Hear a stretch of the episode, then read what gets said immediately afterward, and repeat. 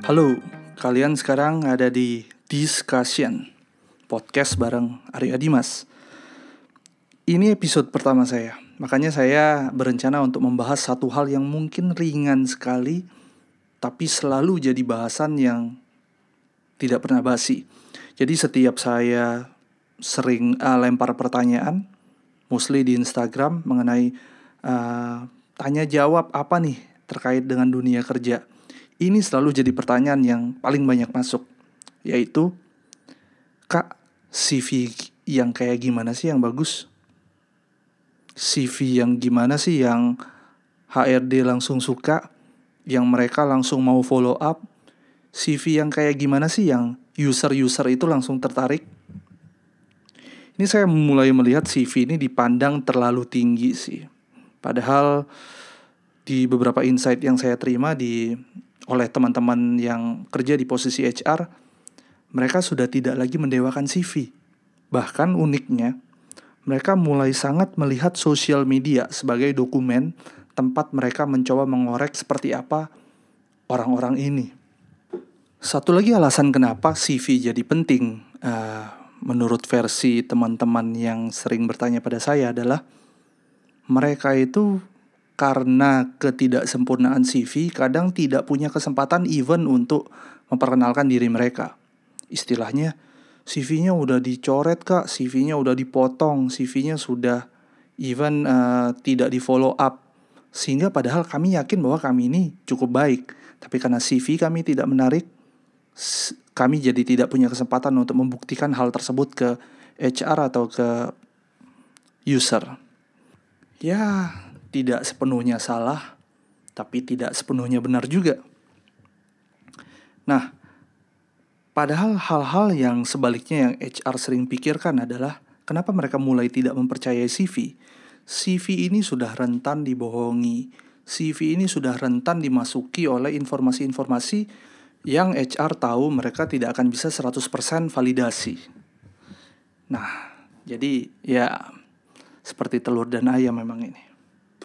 Nah, tapi since ini memang jadi top question yang muncul di beberapa kali diskusi saya terakhir, saya akan mencoba membahas cukup detail. Bagaimana lewat kacamata saya CV-CV yang menarik, CV-CV yang tadi uh, seperti yang saya bilang dilirik berpotensi besar dilirik oleh HR dan CV-CV seperti apa yang user pun cukup suka dan cukup uh, memiliki keinginan untuk follow up setelahnya. Nah, nasihat pertama. Jangan lupa untuk riset job yang akan kamu sasar. Kebanyakan kesalahan yang terjadi adalah CV dibuat sangat template sekali dan setiap bentuk job apa pun yang disasar, dia akan masukkan CV yang sama. Nanti saya akan bahas detail di poin-poin berikutnya. Yang nomor dua, desain CV yang simple itu selalu jadi uh, hal yang kami inginkan, terutama orang-orang yang baca inginkan gitu. Jadi tidak perlu dengan CV yang sangat warna-warni, dengan desain yang luar biasa kecuali apabila Anda desainer. Itu kadang jadi satu hal yang kita lihat. Tapi untuk posisi-posisi yang cukup common, hindari penggunaan desain-desain yang terlalu mengganggu mata. Terus yang nomor tiga adalah tempatkan biodata yang tidak berlebihan. Hanya data-data yang memang uh, dunia profesional butuhkan. Beberapa data simpel ya seperti alamat, nomor telepon, email, mungkin memang layak masuk. Tapi problem terbesar adalah orang-orang yang sekarang membuat CV kadang mencantumkan terlalu banyak biodata. Hei, kalian harus concern justru dengan data-data yang kalian berikan. Apalagi kalau nyatanya nanti tidak masuk. Kita tidak pernah tahu data itu akan lari ke mana. Nah, yang berikutnya, tempatkan memang informasi-informasi yang relevan. Hanya yang relevan. Saya masih ingat beberapa CV yang saya lihat ada terutama ini anak-anak first graduate nih. Mereka cantumkan misalnya lomba juara lomba makan dan pada kondisi yang sama mereka sedang mengapply untuk jadi katakanlah programmer Ini hal dua hal yang sangat berbeda tapi kesalahan-kesalahan ini selalu terjadi. Lalu, nah ini fakta berikutnya. Ketimbang memasukkan experience yang tidak relevan, project-project experience adalah hal-hal yang kami inginkan. Jadi project experience itu bisa dalam bentuk misalnya kalian mengikuti kegiatan research, tentu yang berhubungan dengan posisi yang kalian incar, atau magang, internship, atau beberapa project-project yang memang mengharuskan kalian turun ke lapangan. Nah, hal-hal ini sangat berguna dan sangat bermanfaat untuk user dan HRD mengambil keputusan follow up, atau apa pun itu. Nah, untuk yang bukan first graduate, of course yang paling penting juga adalah working experience. Working experience rata-rata teman-teman pasti sudah cantumin. Problem terbesarnya adalah biasanya yang dicantumkan itu hanya jabatan dan nama perusahaan. Padahal bukan hanya ini yang dibutuhkan. Untuk kalian yang pasang working experience, perlu dicantumkan prestasi-prestasi atau pencapaian-pencapaian yang terjadi ketika kalian bekerja di perusahaan tersebut. Ambil contoh, misalnya ketika kita bekerja tiga tahun di perusahaan tersebut, setiap tahun terjadi kenaikan revenue sekian persen, atau terjadi peluncuran-peluncuran produk uh, yang memang uh, kita menjadi bagian dari tim peluncuran tersebut. Bisa juga perusahaan men mendapatkan award-award atau achievement-achievement dari uh, penghargaan luar. Hal-hal tersebut harus dicantumkan. Jadi user dan HR tahu ketika orang ini menjadi bagian dari perusahaan tersebut, ada kontribusi. Lalu yang paling penting juga tentu mencantumkan soft skill. Soft skill ini kemampuan-kemampuan yang mungkin di luar kemampuan teknikal yang langsung berhubungan dengan jabatan kalau misalnya contohnya yang paling simple ada yang banyak tulis komunikasi negosiasi atau mungkin uh, project management atau apa pun itu. Nah yang pasti coba berikan soft skill soft skill yang berhubungan atau relevan dengan jabatan yang rencananya akan di apply jangan yang terlalu jauh atau jomplang atau jangan juga menaruh skill-skill yang sebenarnya tidak diperlukan atau justru dihindari oleh jabatan yang nantinya akan kita tuju. Nah, untuk nomor 8 foto. Ini cukup tricky nih karena jujur di CV saya itu tidak ada foto.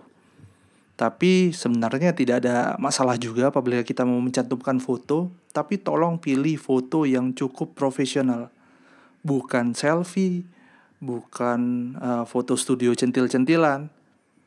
Memang sekarang kalian harus punya at least 1, 2, 3 foto profesional yang siap kalian bagikan.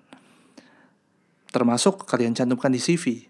Kalau misalnya pada case saya termasuk apabila saya menjadi pembicara atau memang kebutuhan media, saya biasanya langsung menyiapkan foto-foto ini. Nah, bentuk foto-foto tersebutlah yang layak muncul di CV. Biasanya ditaruh di pojok kanan sudah cukup. Nah, lalu jangan lupa untuk mencantumkan link LinkedIn Anda.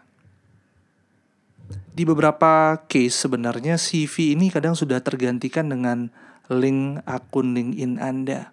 Tapi untuk menambahkan informasi, cukup tambahkan akun LinkedIn ini ke CV yang Anda kirimkan. Terkait dengan account LinkedIn yang jadi ide juga di mana saya terapkan di CV saya adalah saya mencantumkan yang namanya rekomendasi. Di CV terakhir saya ini masih berupa copy paste dari LinkedIn, tapi tentunya ya tidak ada salahnya juga. Kenapa rekomendasi ini perlu? Karena ini akan menjadi titik tolak di mana mereka cukup yakin bahwa kalian itu tidak hanya membagus-baguskan CV, apabila ada rekomendasi yang jelas dari satu orang tertentu dengan title uh, yang lumayan bisa cukup dibanggakan dan orang ini memberikan kata-kata positif atau rekomendasi positif terkait uh, profesionalitas kita ini akan jadi nilai yang sangat bagus untuk user maupun HR memutuskan. Nah, mungkin yang terakhir ini sekedar tips juga aja. Mungkin kalau tidak perlu-perlu banget atau memang bukan first jobber, surat-surat seperti IPK, kelulusan, itu tidak perlu langsung di-share. Kalau mereka meminta pada akhirnya baru silakan kita kirimkan. Tapi memang ketika pada posisi kita hanya diminta untuk mengirimkan CV, data-data seperti ini sebenarnya tidak perlu kita share. Itu tadi tips terakhir dari saya. Sebenarnya masih banyak tips-tips lain yang mungkin justru nanti teman-teman terpikirkan setelah mendengar podcast saya ini. Bisa nanti juga mention untuk jadi catatan penting saya juga. Pada intinya CV itu harus informatif, tapi tetap relevan, tidak berlebihan, dan memberikan gambaran yang meyakinkan untuk bisa menarik perhatian para decision maker. Pada case ini tentunya HR, user, atau mungkin atasan user yang bisa jadi menjadi salah satu penentu masuk atau tidaknya Anda ke dalam perusahaan tersebut. Nah, untuk yang punya tips-tips lain, nanti bisa mention ke @aryoadimas di Instagram atau di Twitter. Akan jadi catatan penting buat saya untuk mungkin nanti saya kemas di bentuk konten yang lain terkait dengan dunia kerja dan CV.